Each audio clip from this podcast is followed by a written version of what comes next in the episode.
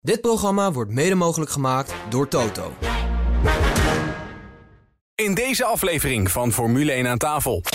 Dan denk ik dat uh, Paul Ricard het eerste afvalt. Want dat is echt, zeg maar, en weinig toeschouwers en niet veel te doen. Alleen maar wijn drinken. En ja, verder is het natuurlijk een, een saaie bedoeling daar. Ja. Dus dan zou ik het eerste Paul Ricard schrappen. Dit en nog veel meer in het komende half uur.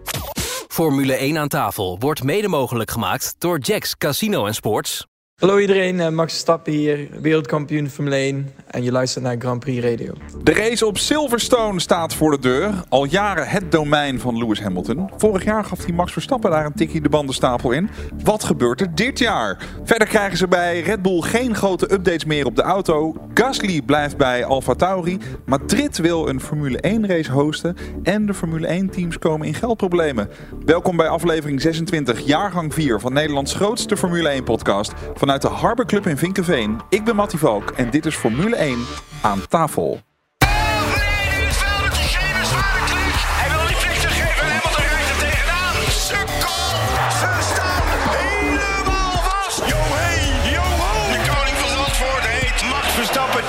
Formule 1 podcast. Formule 1 aan tafel.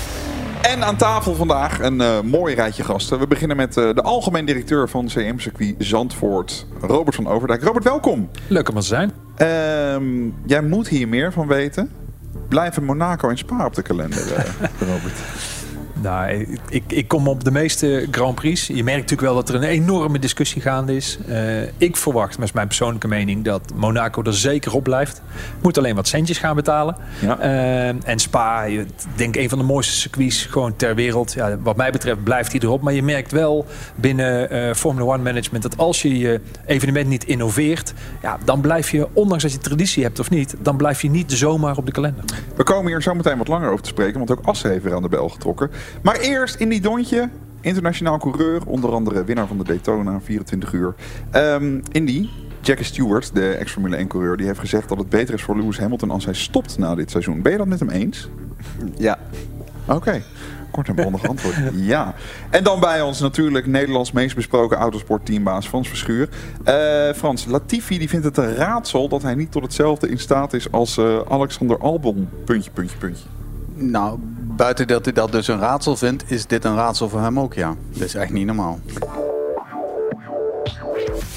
Red Bull komt niet meer met grote updates dit jaar. Het eh, team van Verstappen en eh, Perez gaat het doen met kleinere updates op de auto. Ja, dat zou betekenen dat er eh, iets vaker veel kleinere dingen aangepast worden. In plaats van een paar weken niet en dan in één keer een groot pakket. Dit heeft alles te maken met het budgetplafond. Het heeft Christian Horner, de teambaas, aangegeven. Wat voor verschil maakt dat eigenlijk?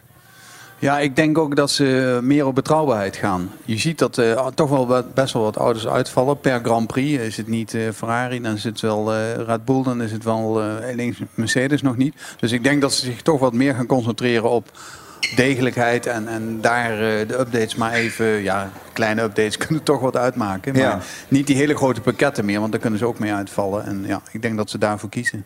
Zie jij meteen eh, concreet dingen in die waar, eh, waar de Red Bull nog verbeterd kan worden? Los van eh, dat je geen DNF wil natuurlijk. Nou, je hebt wel vaker het probleem gezien met de DRS, dat die eh, niet open en dicht gaat. En dat is natuurlijk wel een, een, een, een dingetje. Eh, ik vind dat Perez nu al eh, vaak eh, ook is uitgevallen. Nou, het is er wel verdeeld. Max en, eh, is natuurlijk ook wel in het begin eh, nog wat uitgevallen. Dus ja, ik denk dat ze echt wel nog aan de betrouwbaarheid kunnen werken. Ja. Zover ik weet komt er in Engeland een andere eh, DRS-vleugel. Dus omdat ze dat zelf ook zagen. Daar hoef je geen wiskunde voor te gestudeerd te hebben. En eh, dat, dat zijn kleine dingen, maar kleine dingen die heel belangrijk zijn. Ja, Robert, precies. hadden jullie niet eh, de primeur van de problemen met de DRS? Zeker. Op Zandvoort? Eh, die hadden we zeker. Eh, dat de zone niet eens gebruikt mocht worden. Dus eh, eh, voor ons wel eh, eh, belangrijk dat die DRS-zone volgend jaar in ieder geval, of dit jaar in ieder geval gebruikt mag worden. Vorig jaar mocht die natuurlijk niet gebruikt worden vlak voor de kombocht. Ja. En we hopen dat het dit jaar wel gaat gebeuren. En wat, eh, wat is daarvoor gedaan om, eh, om het- dat het nu wel mag? Nou, ik- uiteindelijk eh, durfde Michael Masi het vorig jaar niet aan, omdat die auto's daar natuurlijk nog nooit gereden hadden. Eh, en in het weekend, eh, maar goed, de beste man zit er natuurlijk niet meer. In het weekend gaf hij aan dat ze dat volgend jaar toch echt wel aan zouden durven. Eh, benieuwd of dat de nieuwe wedstrijdleiders daar ook zo in zitten. En is er, is er eigenlijk vlak voor de race in Zandvoort daar nog... Tot wanneer duurt het gesteggel daarover, om het zo maar even te noemen? Wanneer wordt een knoop doorgehakt? We gaan het niet doen, want ik had het idee dat dat heel laat was. Ja, dat was denk ik eh, in de week van de Grand Prix. Eh, dus uiteindelijk eh, komen ze een aantal weken van tevoren... komen ze nog een keer een laatste keuring doen. En daar wordt er al wat over gediscussieerd. We hebben natuurlijk heel duidelijk aangegeven... joh, we hebben die kombocht niet voor niets aangelegd. Dus wat ons betreft, voor de aantrekkelijkheid van de race... wordt die DRS-zone zeker wel gebruikt. Ja. Maar hij durfde het gewoon dit jaar nog niet aan. Nee. En hoe kan het dan dat er eigenlijk, zeg maar, daar pas ter plekke ehm, wordt besloten... we gaan het niet doen? Want jullie zijn al heel lang van tevoren Zeker. bezig om eh, die race voor te bereiden. Ja, en, en alles is natuurlijk gewoon gesimuleerd. Hè? Dus er is voldoende data dat het zou moeten kunnen. Eh, maar uiteindelijk besluit een wedstrijdleider of dat hij het wel of niet eh, doet. En, en, hij heeft de keuze gemaakt destijds om toch gewoon eens die eerste race te verrijden. En te kijken hoe dat die auto's op die baan reageren. Los van wat de data aangaven. Ehm, maar ik verwacht dat dat dit jaar absoluut wel gaat gebeuren. Ja, ik, eh, ik vroeg me ook af, want ik heb afgelopen weekend dan ook eh, wedstrijd gehad op eh, Zandvoort. En het blijft altijd lastig inhalen daar. Al moet ik zeggen dat het in de nieuwe bocht 3 of bocht 4 is het geweldig eh, inhalen is. Ik heb er al een paar eh, ingehaald daar in de tweede race.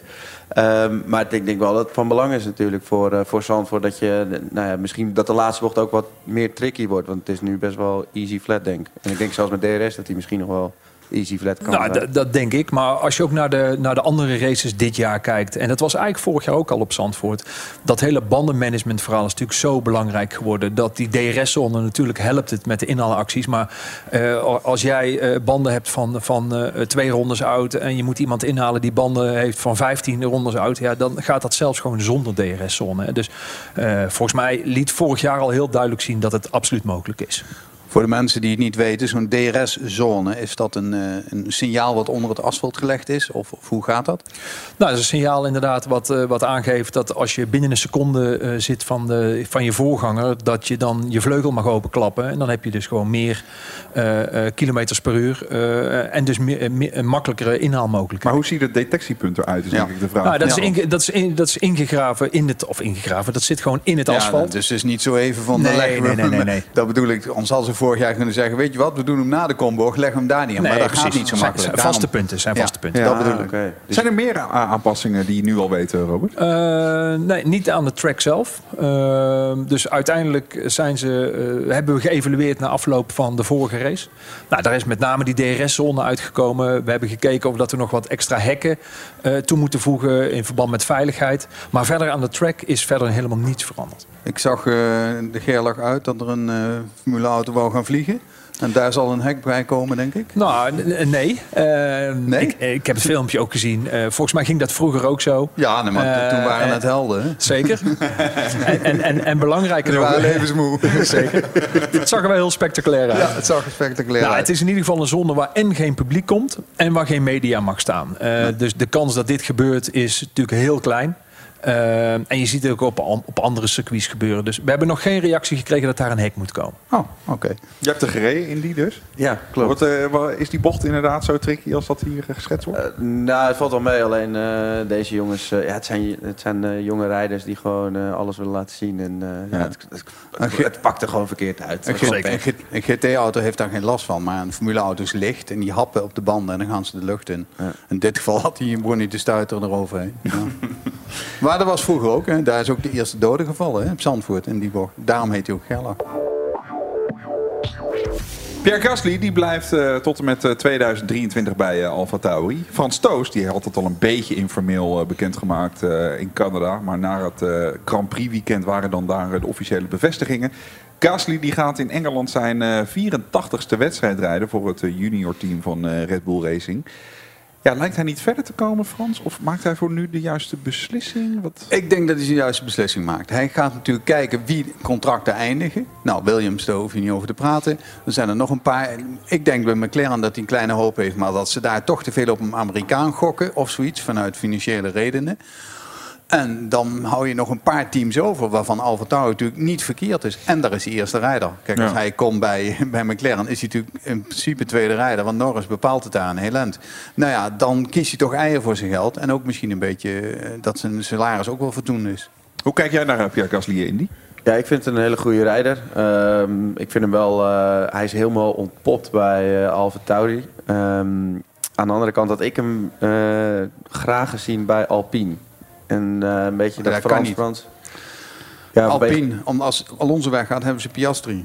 En dat is echt een talent. Ja. En die hebben ze helemaal opgeleid. Die zit echt in de wachtkamer. En wat ik denk, is dat hij naar Williams toe gaat. En dat, die, eh, dat ook Renault-motoren naar Williams toe gaat. Omdat Mercedes niet drie klantenteams wil hebben, maar twee. Ja, precies. Nou, en dan, dan heeft hij dat ook gedacht van... hé, hey, ik kan wel bij Alpine gaan rijden... maar het is ook een Frans team. Dat makkelijk voor de taal en het eten. Maar eh, de, de, de Piastri heeft toch een hele grote... Ja, in, dat, daar verwachten ze heel veel van. ja, Dat ze willen daar hun talenten... Ja. Want ze hebben natuurlijk een heel talenten academy eh, gebeuren bij Alpine. En ik denk dat, ook, showen. dat eh, Alonso blijft volgend jaar. Die, heeft- ah, die man heeft zoveel plezier er nog in. Waarom niet? Ja, en ervaring. En, Ja. en hij kan echt een potje sturen. Ja. Ja. Die Piastri gaat hier eh, wat vaker over tafel al. Eh, volg jij hem ook in of niet? Eh, ik volg hem niet, maar ik weet wel dat het echt gewoon een, eh, een, een talentvolle coureur is. En ik hoop gewoon dat hij een, eh, de kans krijgt om, eh, om te rijden. Ja. Volgens eh, ex-Formule 1-coureur eh, Jackie Stewart is eh, Lewis Hamilton over zijn beste punt heen. Hij wel. En hij eh, zou er goed aan doen om afscheid te nemen van, eh, van de sport. Hij zegt eh, Mercedes is niet meer het toonaangevende team na de veranderingen van eh, de technische reglementen. En Russell is bijna iedere race sneller dan eh, zevenvoudig wereldkampioen. Robert, ben je het daarmee eens? Nou, mensen worden wel heel snel afgeschreven. Hè? Dus eh, op het moment dat jij eh, een wereldtalent bent als, eh, als Lewis... dat zie je ook inderdaad aan, aan Alonso... en het zit dan heel even een jaar tegen... heeft het dan met zijn talent te maken of met zijn auto?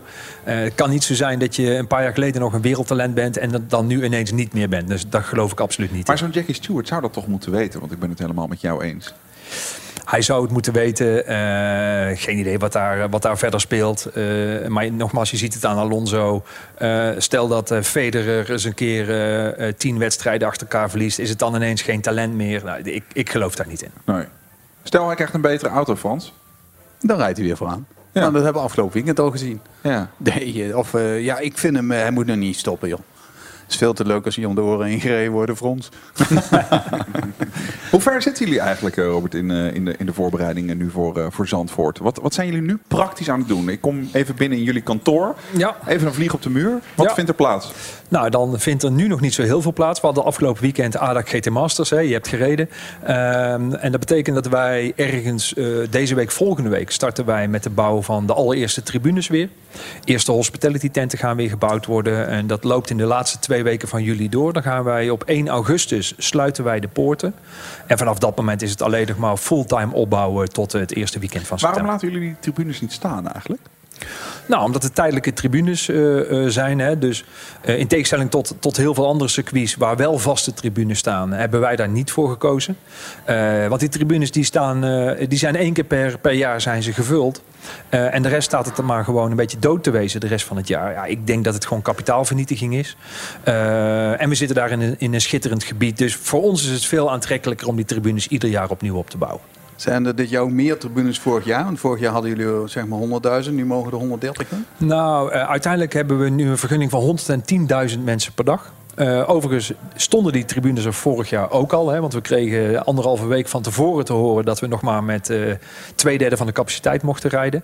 Dus de tribunes stonden vorig jaar in, in vol ornaat. Toen hebben we uiteindelijk gevuld tot ongeveer 70.000 per dag. En dit jaar wordt het er 110.000 per dag. Oké, en, de, en de catering was vorig jaar natuurlijk wel aangepast op 70.000. Dat wordt nu wel... eh, Zeker, zeker. En, en vorig jaar het allerbelangrijkste is dat eh, die mensen die niet mochten komen... waren vooral de general admission mensen. Hè, zeg maar de vroegere duintickets. Eh, want er mochten geen staanplaatsen zijn. Nou, die zijn er nu wel. Dus het is ook veel meer verspreid over het terrein. En we hebben daar al alle faciliteiten op aangepast. Nog meer feest dus. Nog meer feest. Nou, we hebben alle complimenten inmiddels bijna een baard gekregen, Robert. Het was een prachtig evenement Dank u wel, natuurlijk. dank u wel. Eh, nog een keer om eh, te onderschrijven. Eh, er moeten ongetwijfeld ook punten zijn geweest waarvan je dacht, nou, dit kan echt beter. Het kan niet alleen maar één grote hosanna zijn geweest in de evaluatie. Nou, dat zou raar zijn als je het allergrootste evenement... wat er ooit is georganiseerd in Nederland... dat daar niets fout gaat. Noem eens één ding waarvan je Nou, denkt, moet echt beter. Nou, beter. Uiteindelijk er zijn er heel veel zaken goed uitgepakt. Hè? Bijvoorbeeld het mobiliteitsplan. Maar we hebben wel heel duidelijk gekeken naar crowd management op het terrein. Het waren er nu 70.000. Het, het worden er 110.000 per dag. Eh, we hadden bijvoorbeeld het idee om eh, aan, en dat zie je op heel veel Grand Prix, na afloop van een Grand Prix op een groot podium een, een artiest te plaatsen. En daar komt dan 30.000 mensen komt daar kijken. Ah, daarvan hebben we gezegd, joh, we moeten dit jaar niet kiezen voor één groot podium, maar vier, vijf verschillende podia met artiesten tegelijkertijd geprogrammeerd. Om die crowd eh, gewoon op een hele goede manier te kunnen managen. Ik heb... eh, ik heb jou zien zingen afgelopen vrijdag, Matti. Is dat wat waarop Foute, het- is een foute party. Mijn, mijn, oude, mijn oude Heb je hem bedrijf, zien zingen? Brabanthallen. Ja? Heb je nee, hem zien zingen? Nee, ik- de jaren daarvoor heb ik hem zien zingen. Ik ben natuurlijk Ja? tien jaar lang eh, directeur beurs en evenementen Libema geweest. Dus ik heb dat spul eh, jaren over de vloer gehad. Schitterend weekend. Als het jaar. echt te druk wordt, kan je me laten zingen. Zeker, Dan- heel dan goed. wordt het in één keer een stuk leger. Goed idee.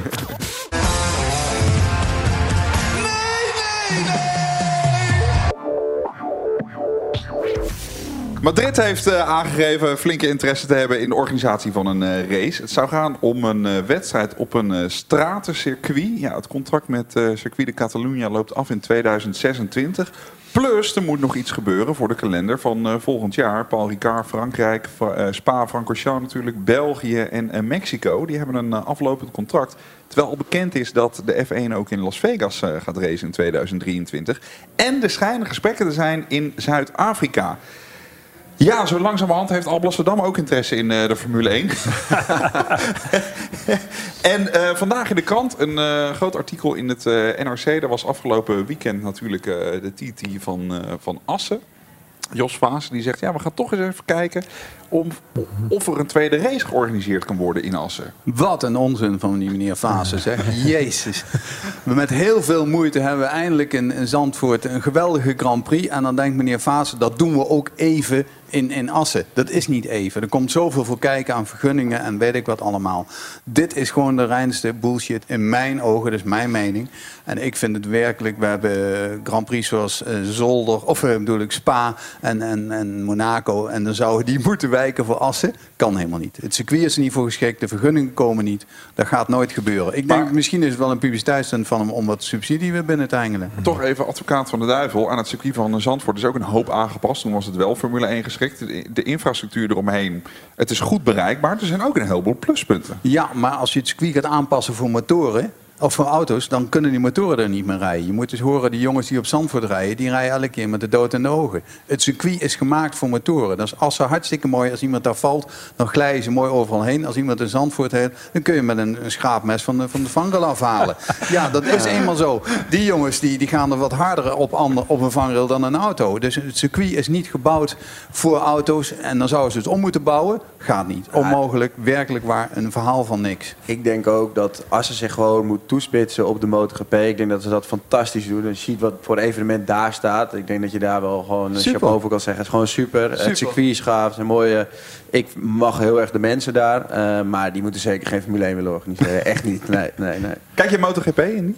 Eh, zo af en toe. Maar ik eh, heb het de laatste jaren niet meer heel gevolgd. Het is fantastisch racen. Maar je blijft op een gegeven moment alleen maar wedstrijden kijken. Ja.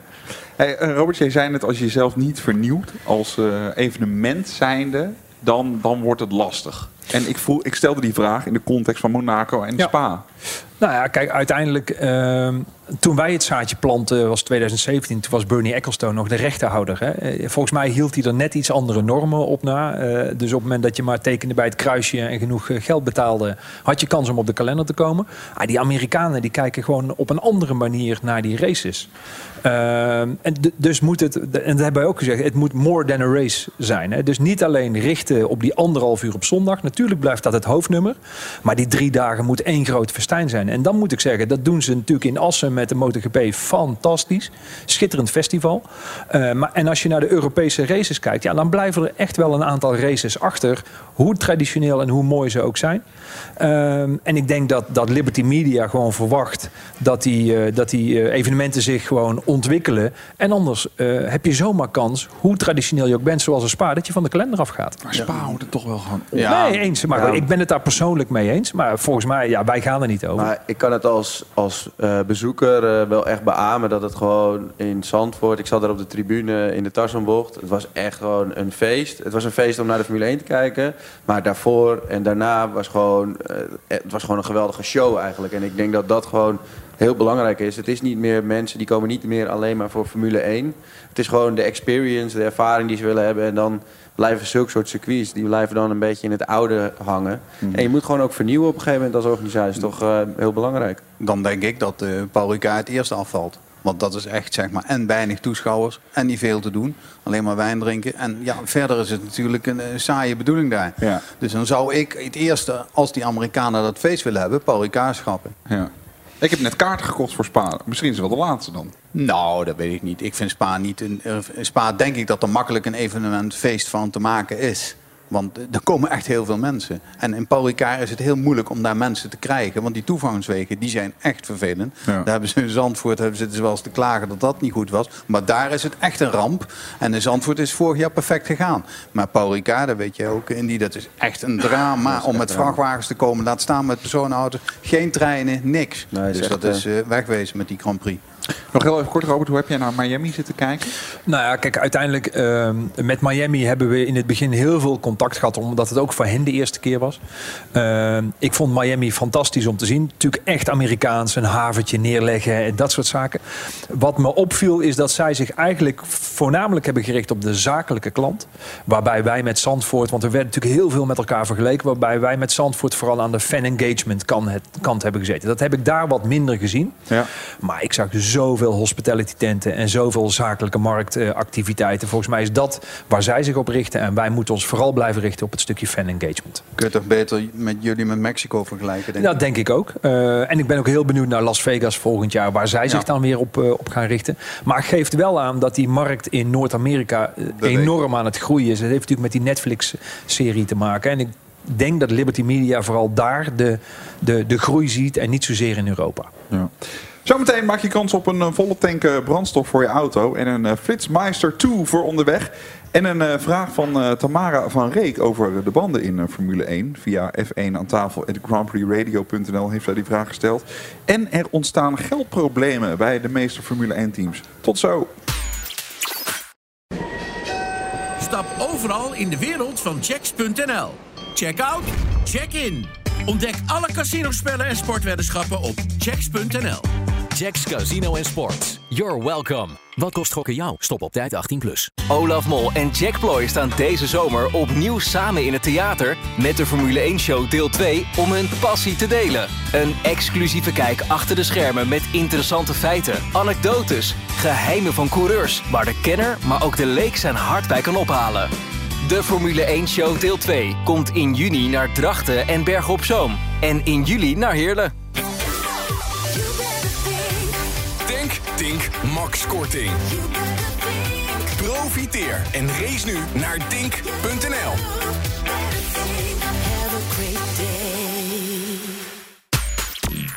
Formule 1 aan tafel wordt mede mogelijk gemaakt door Jacks Casino Sports. Welkom bij de grootste Formule 1-podcast van Nederland. Die je luistert Formule 1 aan tafel. Er is een eh, vraag binnengekomen van een luisteraar. Het eh, mailadres daarvoor is f1 aan tafel. Deze week komt die van eh, Tamara van Reek. En de vraag is als volgt, dubbele punt.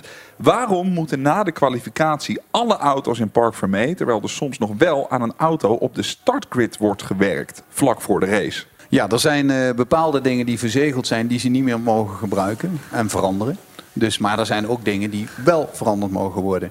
Eh, maar je mag niet echt specifiek eh, grote dingen veranderen, zoals vleugels of whatever. Alle updates die er dan op zitten.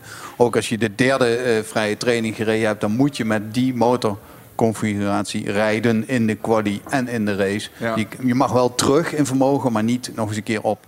Dus, en dat, dat doen ze dan in Park voor mij. En daar worden al die auto's eh, verzegeld. En dan kijken ze nog een keer, slaan ze alle data op van elke auto. En dan, dan krijg je met die gegevens moeten rijden. Maar je mag wel een beetje wat doen aan de grid met de voorvleugel verdraaien. Het is niet zo zwart-wit als dat het overkomt. Nee, het, het lijkt dat je helemaal niks mag doen, maar er zijn best wel wat dingen die, die gedaan kunnen worden. Je ziet ze ook tijdens een pitstops heel even aan die voorvleugel draaien om iets andere dingen te doen.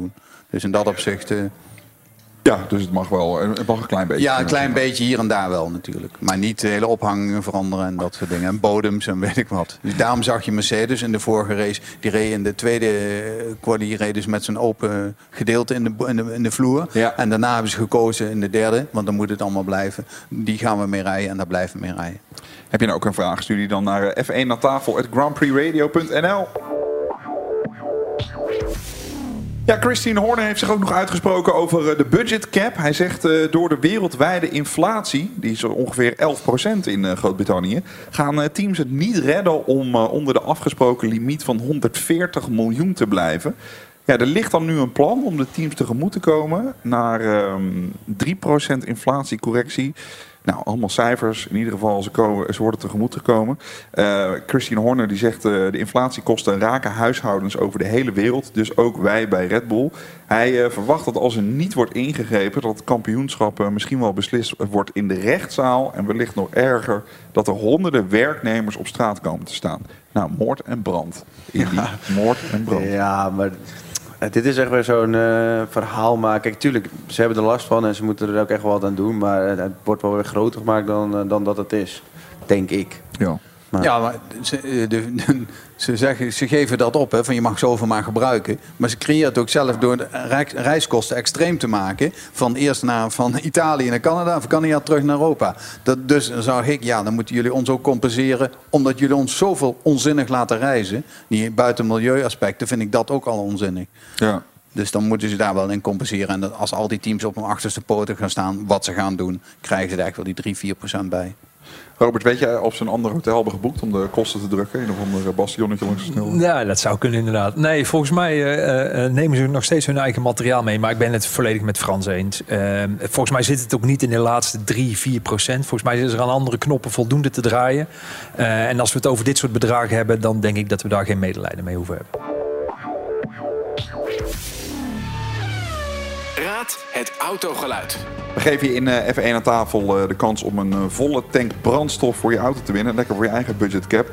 En Flitsmeister 2 pakketten waarde van 80 euro in Raad het autogeluid. We schakelen over natuurlijk naar Mario de Pizzaman. Ga je eigenlijk op vakantie, Jan? Jazeker, Italië. Oh, dat is mooi. Dat is heel mooi. Je zit in een Duitse auto. Ja, voor de oude luisteraars een oude Dirk-auto. oude luisteraars, start er maar.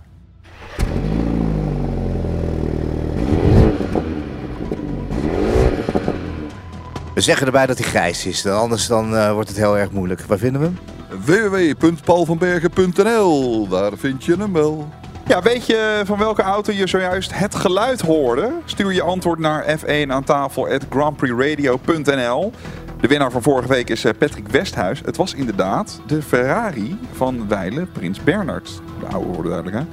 Gefeliciteerd, uh, veel rijplezier met je gratis volle tank brandstof voor je auto uh, bij Tink.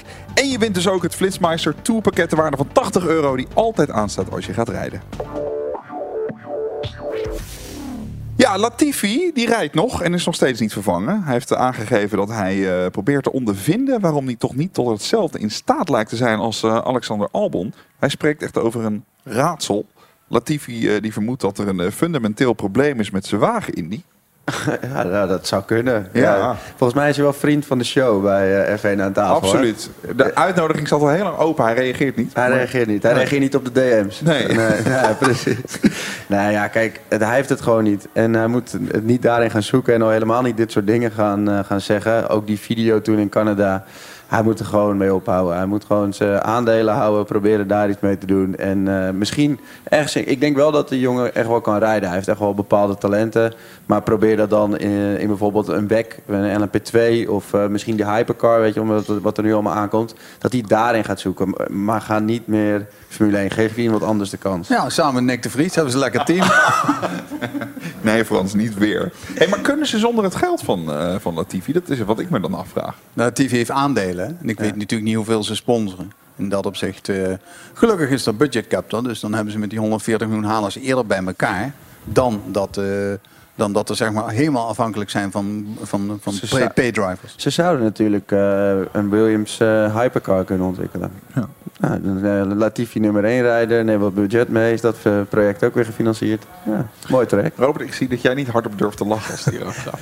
nou ja, kijk, het blijft natuurlijk een beetje zwemen om die autosport heen hangen. Dat als je daar dan maar gewoon genoeg geld in meebrengt, dat je gewoon op het hoogste niveau kunt rijden. dus ik ben het met Indy eens. Ik neem aan dat die jongen toch echt nog wel een potje kan sturen, want anders kom je daar niet. Uh, en, en ja, als het dan niet is, laat iemand dan gewoon afgerekend worden op, uh, op kwaliteiten en niet op basis van hoeveel geld iemand meebrengt. Ja. Maar ja, als je niet genoeg geld hebt, zoals Williams, dan ben je soms afhankelijk van zo'n eens, team. Eens, eens. Wat vind jij het mooiste moment van zo'n weekend? Ehm, Voor jou in, Nou, eh, op Zandvoort? Ik, ik vond afgelopen jaar het meest magische moment dat die Formule 1 auto's voor het eerst de pitstraat uitreden na 36 jaar. Dan moet je zelf Eh, even knijpen. Ja, dan knijp je je zeker. En dat heb ik gezien. Ik heb de finish gezien op het dak. En verder heb ik volgens mij niet heel veel van de auto's gezien. Wat doe jij op zo'n dag eigenlijk?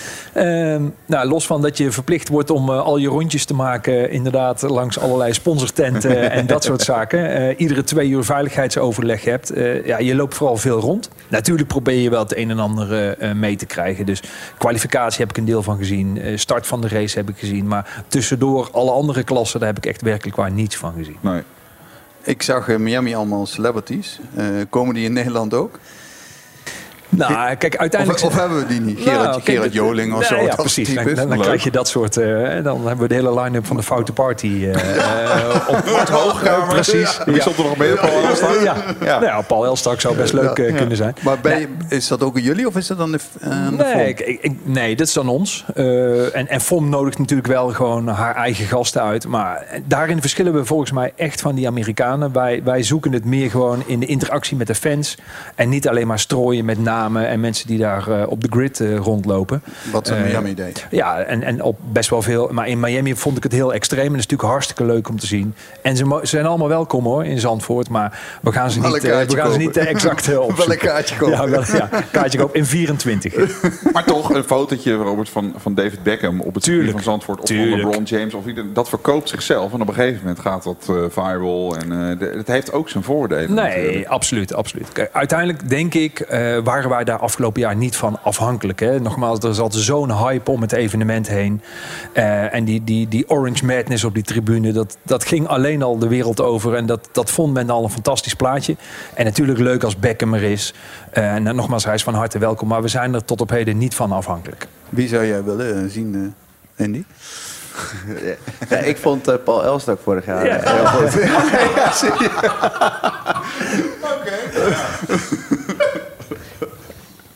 Kan ik ook wel regelen hoor. eh, in die- Ah, ik top, heb zijn nummer. Eh, tijd voor de glazen bol. Ja, we voorspellen er even op los voor eh, komend weekend Silverstone. Prachtige race in, eh, in Engeland. Eh, Frans, wat verwacht je eigenlijk van de race voordat we echt eh, concreet gaan, Ja, gaan voorspellen? Ik heb het weer een beetje gekeken. Het blijft droog volgens mij. Dus dat is wel, wel een beetje jammer. Want daar had ik het wel graag zien rekenen. Dan, eh, dan zie je wel wat spectaculairs. Ja. En anders wordt het weer een, eh, een, een verstap. ja, Ja, wat erna komt vind ik vooral interessant eh, eigenlijk. Le- Verstappen, Leclerc. En dan eh, derde Sainz. Oké. Robert, die pakt eh, de snelste ronde tijdens de race. Ehm, de snelste ronde. Nou, misschien zouden we toch gewoon eh, eh, Mercedes het wel heel goed kunnen doen aankomend weekend.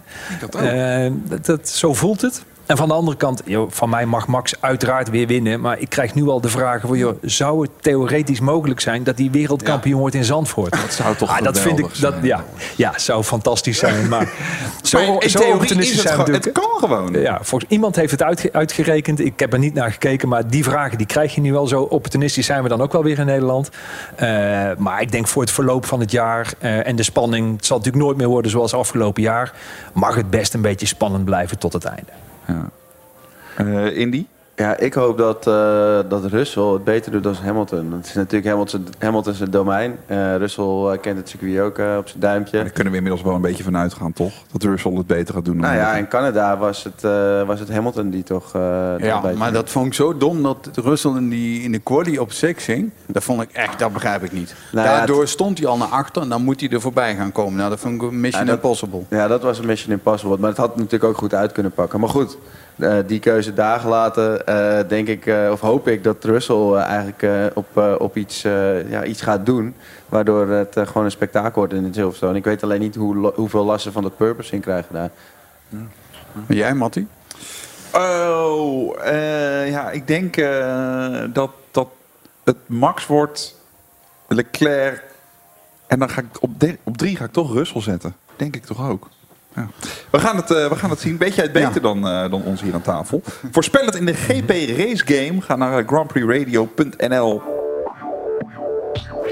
Ja, en dit weekend kun je natuurlijk alles eh, live beluisteren bij Grand Prix Radio. De trainingen onder andere onder het deskundig commentaar van eh, Koen Bakker, Jack Ploy en Bas Schothorst. En de kwalificatie en race met Jack Ploy en Olaf Mol. Download daarvoor de gratis Grand Prix Radio app met slider. Zodat je het commentaar gelijk kan leggen met het beeld van eh, ja, de Formule 1 in Engeland. Heren, dank jullie wel voor jullie aanwezigheid. Uh, jullie krijgen allemaal mee naar huis een officiële Formule 1 Ferrari Trento Doc. Volgende week maandag is er een nieuwe aflevering. De redactie was vandaag in handen van uh, Sjaak Beumer en Koen Bakker. Draaiboek Mario de Pizzaman. Ik ben Mattie Valk. Tot volgende week. De Formule 1 podcast. Formule 1 aan tafel. Ondertussen, hier in de Harbor Club in uh, Vinkenveen heeft Tim iets heerlijk op tafel gezet. Uh, Tim, wat staat hier? Nou, we hebben als eerste de Mediterranean makirol. Dus met uh, ebigenaal, daarbovenop wat gerookte paling en een tomaatsalsa. Daarnaast hebben wij de taco gevuld met steektartaar aangemaakt met wat truffelolie en parmezaanse kaas. En we hebben de kipgyoza met wasabi citrusvlees. Heerlijk, we gaan er lekker van genieten, dankjewel Tim. Hé, hey, maar uh, Indy, dus uh, Paul Elstak is een, uh, is een held van jou? Ja, ik moet je echt zeggen, in dat weekend heeft hij echt de tribunes op zijn stelte gezet. Echt waar, dat was echt super gaaf. Ja, ik, ik vind DJ Paul echt gewoon een vet gozer. Dus ja, die moet voor mij echt wel mee zijn. Ja, dat, dat, is hij ook. Ik heb hem natuurlijk heel vaak zien optreden op allerlei feesten in de Brabanthallen. En uh, meestal als afsluiter van een, van een dik feest. Ja, klopt. Je, je, kunt geen betere afsluiter hebben. Nee, echt. Dat was echt top, top, top. Nee. Ja, ik was inderdaad op de Foute Party afgelopen weekend. Maar dan blijven er heel veel mensen. Volgens mij trad hij op om kwart over twee of zo. En dan blijven er heel veel mensen hangen voor, uh, voor DJ Paul. Oh, spektakel. Ja. Kan jij één liedje noemen van DJ Paul, uh, Frans? uh, nee. Formule 1 aan tafel wordt mede mogelijk gemaakt door Jacks Casino en Sports. Let op. Alle gebruik van hetgeen in deze podcast F1 aan tafel wordt opgemerkt is ongeoorloofd. Zonder expliciete schriftelijke toestemming ter zake verkregen van Grand Prix Radio. Met inachtneming van een duidelijke, deugdelijke bronvermelding met link.